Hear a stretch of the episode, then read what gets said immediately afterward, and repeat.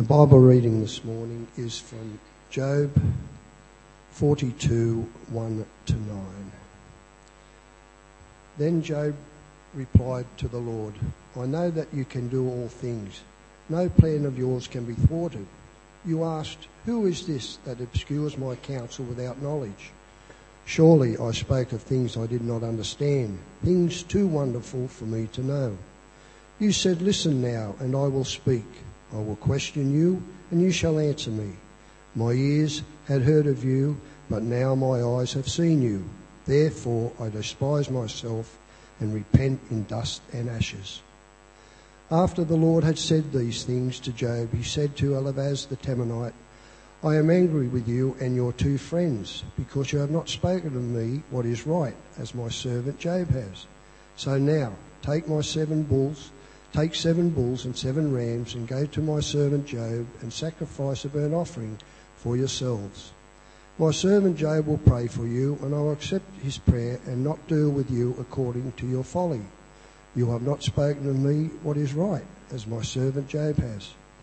So Eliphaz the Temanite, Bildad the Shuhite, and Zophar the Naamathite did what the Lord told them, and the Lord accepted Job's prayer.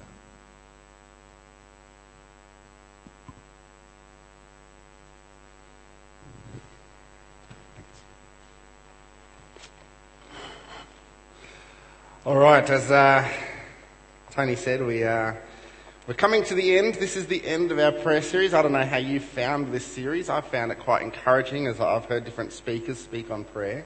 Uh, it's, it's, a little bit of a difficult topic to speak on, I think, because uh, there's so many questions that, that come up when we think about the idea of prayer, and there's things that we just don't always understand about what God is doing. Uh, and so we come to the question that, that we're looking at today, which is what happens when we pray? And in some ways, it's, it's certainly on the more difficult end of the spectrum to think about what happens when we pray. And I think if you've been a Christian for a while and you've been praying for a few years, you've probably had questions like that, thinking about what's the deal with prayer? Because the reality is that sometimes we look at, uh, we, we, think about God, uh, we know that He's a God that can do anything. But sometimes when we pray, it can feel like He doesn't do anything.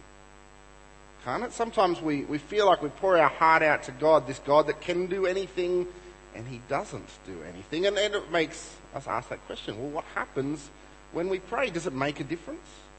Does prayer change anything? And even that, there's questions that can come to our mind there, even if we come to terms with the idea that prayer does change things. A question that comes to my mind is if, if a person can come before the creator of the universe and convince him to change his mind, what does that say to us about God? If a, if a single person on this planet in, in, in history can convince God to change his mind, well, can we, can we trust a God that can have his mind changed by someone? Or maybe we, we come to a point where we go, well, maybe God doesn't. Maybe God doesn't change his mind. Maybe our prayers just happen to coincide with a sequence of events that were going to happen anyway. It just happened that we prayed it before it happened. And if that's true, we come to the question, well, why bother praying? If, if God's already got it mapped out and our prayers are not going to make a difference, then why bother? What happens when we pray? Does it change things or doesn't it? The truth is, as we look at the Bible, there, there's, there's elements we can look at on both sides of, of that argument. We, we see examples like uh, Jacob wrestling with God. You may remember the story. It's, it's a bit of a unique story in the Bible. Jacob, uh, he wrestles with God in a really physical way and hangs on to him, we're told, doesn't let go and says, I'm not going to let go until you bless me. And God does bless him. He receives his request. Or we have uh, the Psalms. David talks about prayer and he says things like, I waited on the Lord and he came near and he heard my cry. And so we clearly see, okay, David's telling us God listens. And we get stories like Elijah. Elijah prays for drought and God sends a drought. And he prays for rain and God sends rain. And we, we follow through to the New Testament in the book of James. James talks about that incident and reminds us Elijah was just an ordinary man. And God listened to him. So it seems clear. Prayer changes things. Uh, Moses, you might remember this story. Moses is up on Sinai. The people, God's people, are down on the ground and they make a golden calf. Right? It's a fairly well known story in the Bible. God is furious and he says, That's it. I'm going to destroy them. And Moses says, Please don't destroy them. And God says, Okay, good argument. And, and he doesn't destroy him, he listens to Moses. So we see that prayer does change things. What happens when we pray? Although we, we can see the other side of that in the Bible too. We see things like Jesus when he's teaching us to pray. He says, he teaches us to pray things like, Your will be done. Almost like this uh, get out of jail free card for God, right? I, I'll pour out all of my requests to Him, but at the end I'll say, But your will be done. And that means, well, God can answer my prayer because He'll answer that one. And, and or, or, even Jesus in the Garden of Gethsemane pouring out His heart to God but says, Not my will, but yours be done. Or um, Paul. Paul talks about this thing he calls a thorn in his flesh. This pain in his life that he asked God to take away. And he says three times he prayed and God didn't take it away. So, what happens when we pray? C.S. Lewis famously said, I don't pray because it changes God, I pray because it changes me. And I want to say that is true. Uh, certainly prayer changes us, but surely that's not all prayer is. Because if all prayer is about changing us, well, that's a bit twisted, isn't it? God tells us to bring our anxieties, our worries before Him. But for what purpose? Just to change us? Well, surely our prayer should be that God changes us. Why bother asking Him to do these other things? Why not just ask Him to change our hearts from the start? So it seems a bit twisted to say that that's all it is. And the truth is, if you've been praying for a number of years, then some of these questions have probably come in your mind. And I think we can get to a place where we get all this stuff weighing down so confusing on our mind that we, we get to a point where we go, well, just blow it, I'll just get on with praying. Or the opposite might be true.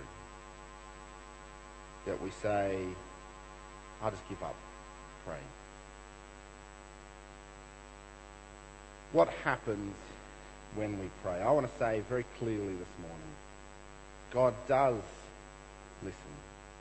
And I want to say very clearly God chooses to partner with his people through prayer. And we're going to look at that in a few different ways. God chooses to partner with his people through prayer. And, and the first way we see that is through his promises. And in fact, in some ways, to ask the question, what happens when we pray, the easiest way answer is to look at God's promises and say, well, when we pray something that has been promised, we see an answer to it. Let me give you some examples. Um, we read this in 1 John 1 verse 9. If we confess our sins, he is faithful and just and will forgive us our sins and purify us from all unrighteousness. Right? What is promised there? Forgiveness, purification. And that's a promise. So we're told if we confess our sins, he will forgive us. So what happens when we ask for forgiveness? We receive forgiveness. What happens when we ask for godly wisdom? We're told in James we receive godly wisdom. Uh, James chapter 1 verse 5. If any of you lacks wisdom, you should ask God, who gives generously to all without finding fault, and it will be given to you. So what happens when we pray that prayer? We receive wisdom. Or if we pray for a way out from temptation, we're promised 1 Corinthians 10 verse 13, but when you are tempted, he will also provide a way out so you can endure it what happens when we pray for a way out from temptation? The answer it's there. Now, of course, we have to pray for godly wisdom that we will see the way out from temptation. And we have to pray for self control that we will take the way out from temptation. Uh, but the promise is there. And there's things that God has promised. So when we, when we ask to be filled with the Holy Spirit, it's promised. that will happen. When we ask that we will receive the fruit of the Spirit and grow to be more like Jesus, it's promised. When we ask that we will never be separated from the love of God, it's promised. What happens when we pray those prayers? Well, God answers them because they're promised. And we want to take hold of these blessings. Because the reality is, if we don't ask, it is also clear we won't receive. James says it. He says, if you lack wisdom, ask for it. But James also clearly says, you don't have because you don't ask. So these promises we have are here, but if we don't ask for them, we won't receive them. The same thing is true of forgiveness. It's there on offer, but if we don't ask, we won't have.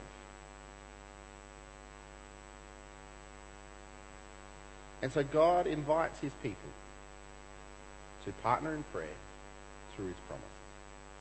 And if we don't, we will miss out on those promises.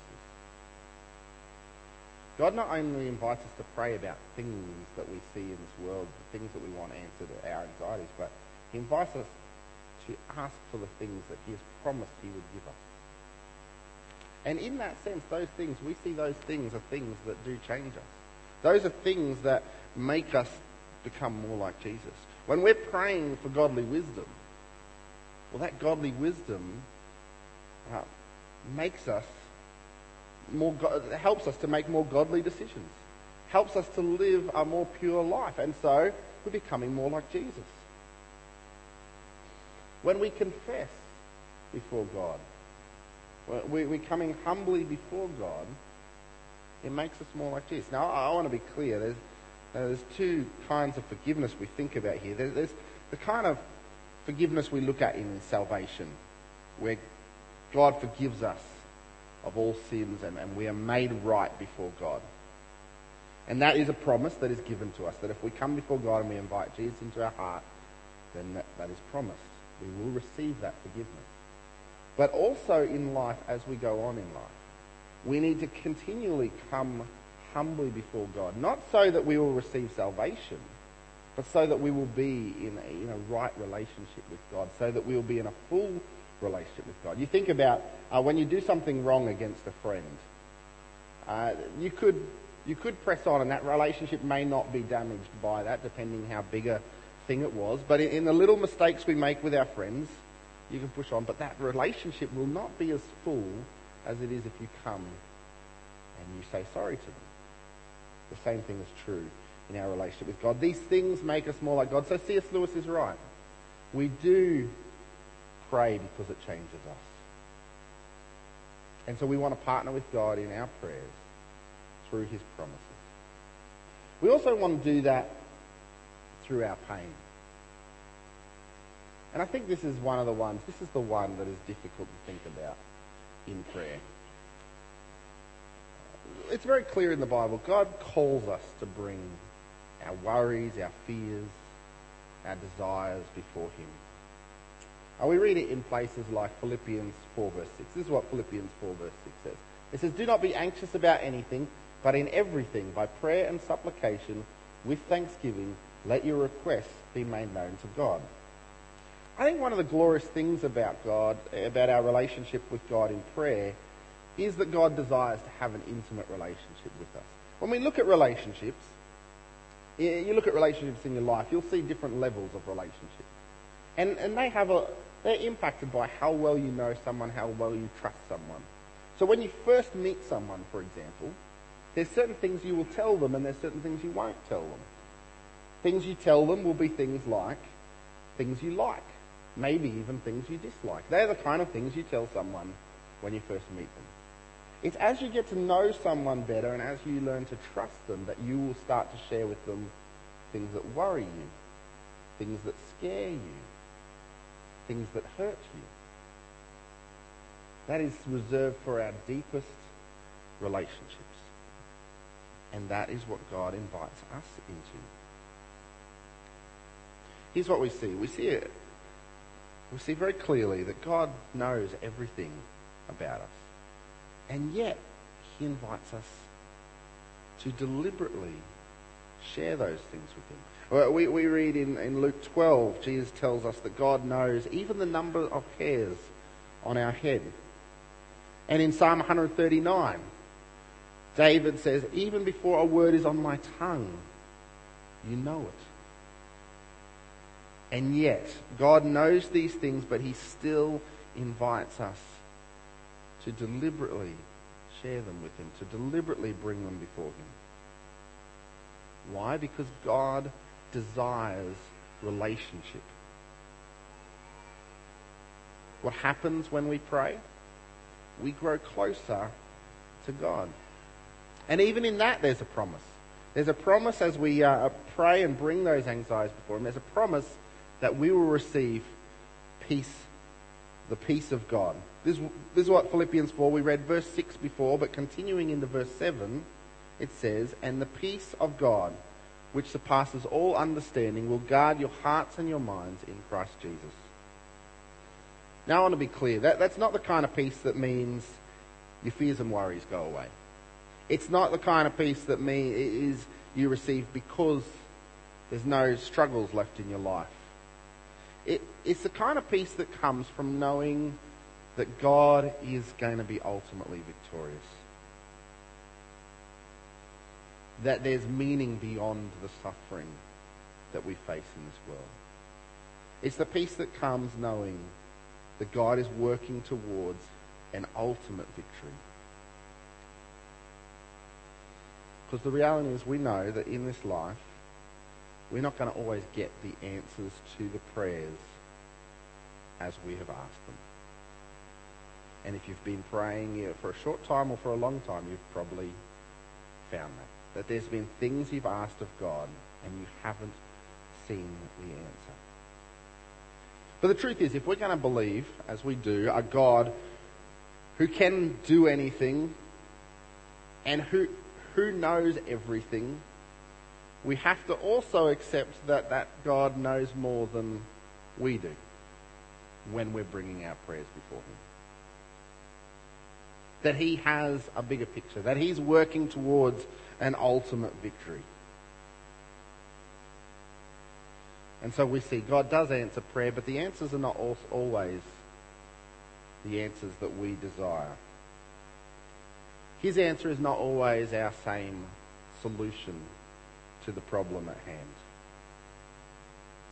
Because he has this bigger picture in mind. I think of it a little bit like a child and a parent. When a child brings their request before their before a parent, you, you know the, the parent has a bigger picture than what the child does. For example, when a child asks for junk food, right? I think, I think it's an unwritten rule that fathers are more likely to give their children junk food than mothers. Although I've been very clearly informed that grandfathers are even more likely to give their children junk food than, than uh, their parents.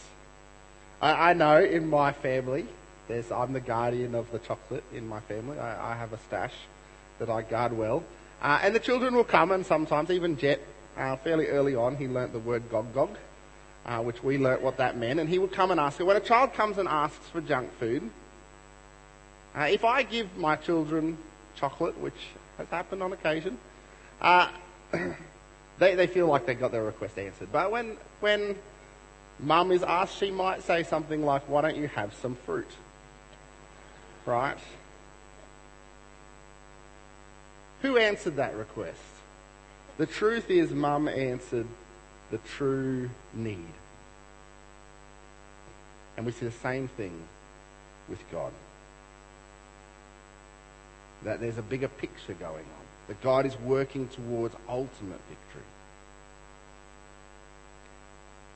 Now, it's one thing to acknowledge that and say, I can understand that, I can see that. It's another thing when that is the reality in your life. When you're pouring out your pain and desires to God and you're not seeing the answers that you desire. When, when tears are like blood as a parent prays over a sick child.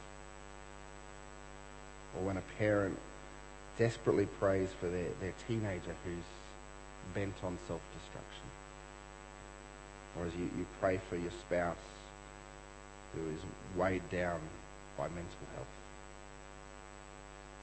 It is hard to trust God's timing and God's answer in those situations. But God still invites us to bring those prayers before Him. God still invites us to partner with Him, and we want to remember that He is working towards ultimate victory. And God partners with His people through His plans. It's an incredible thing to think about the idea that God is partnering with us. Uh, th- there's this great synergy in the Bible between God being in control and God using and allowing his people to be involved. And it's a, it's a situation that I think does our head in a little bit. We try to work it out. How can God be in control and, and have everything in his control and let people who we know, and we look in the Bible, we see example and after example of people who stuff up the plan, and yet God is still in control. How do those two work?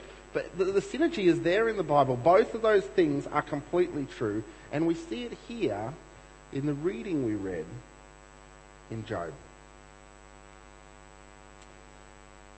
Here's what we see in Job. Let, let, let, me backtrack a little. If you know the book of Job, it's a story we see in the Bible about a man who is very wealthy and he honors God in everything and then he loses it all. And he, like, he loses it all horrifically. His, all his children die in one terrible accident where a house collapses on them. He loses every bit of wealth he has, and then he loses his physical health, and he ends up scraping boils uh, in, in a dump off his body. And his wife, I think the only living relative he has left in the world, comes to him and says, just curse God and die. So Job gets as low as can be. And then he has these three friends that come and they try to offer their wisdom to them. And a significant part of the book of Job goes on, chapter after chapter, of his friends trying to offer their great wisdom. But really, at the end, they just start talking, they just end up talking trash about God. And so finally, God speaks at the end of the book of Job. And he basically questions these friends, saying, Who are you to question me? This is what he says in chapter 38 of Job. He says, Where were you when I laid the foundation of the earth? We see God is saying, I'm the incredible creator. Who are you? He goes on to talk about the, the, the, great beasts of the world and, and how God can tame them and, and man has no control over them. He says, you're, you're a nobody compared to me. In fact, Job acknowledges that, and we read it in the reading that we read just before. Job acknowledges God's power. This is what Job says in verse, uh, chapter 42, verse 1. He says, Then Job replied to the Lord, I know that you can do all things no purpose of yours can be thwarted. So here's Job. He acknowledges that God's plans can't be destroyed. That he's the all powerful God and his plans can't be destroyed. So we come back to the question what happens when we pray? If God has his plans in place, what happens when we pray? We'll see, we see very clearly here that God partners through his plans.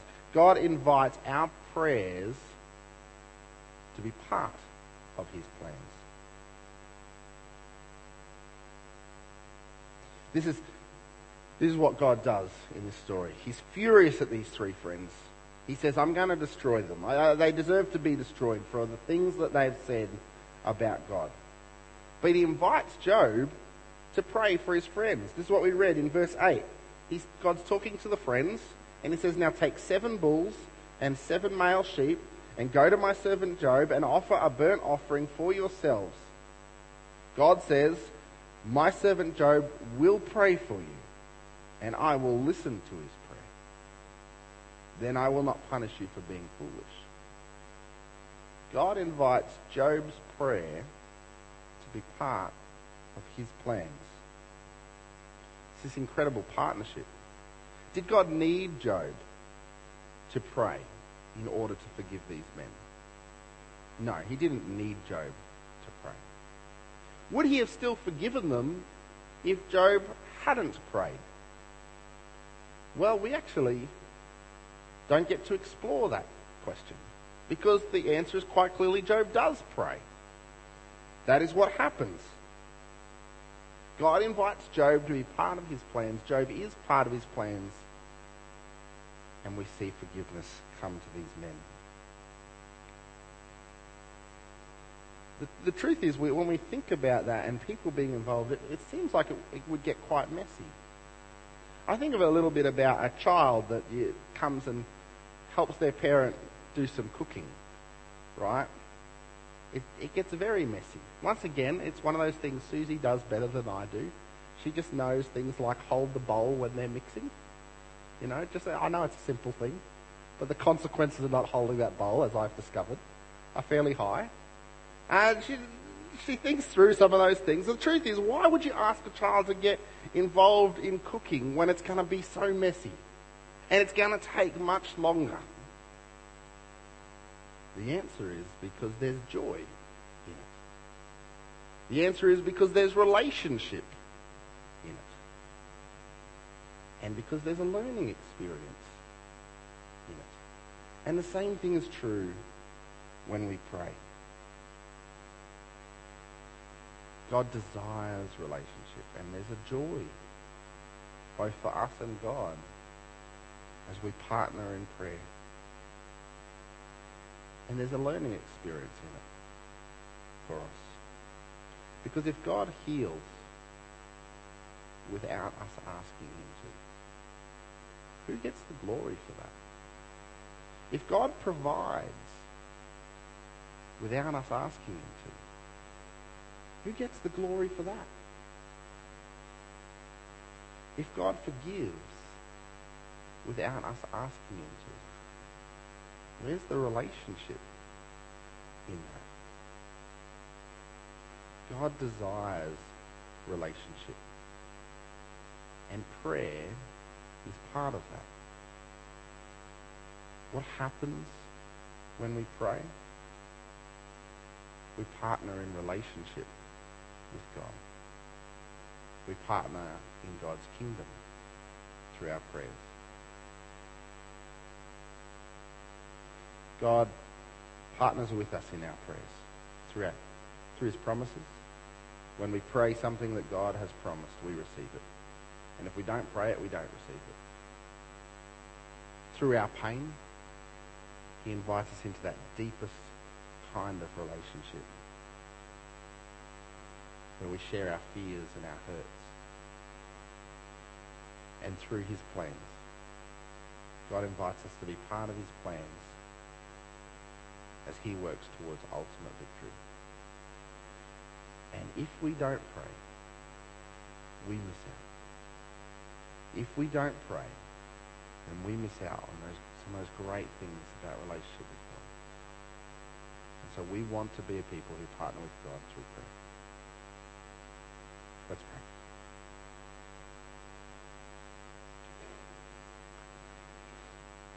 Father God, we thank you that while you're the creator of the universe, you, you still desire relationship with individuals on this planet, with us.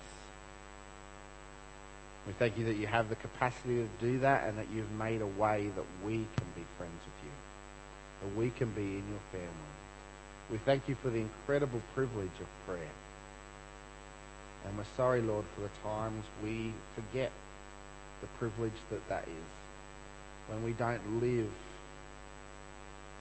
in your grace, when we don't live in relationship with you.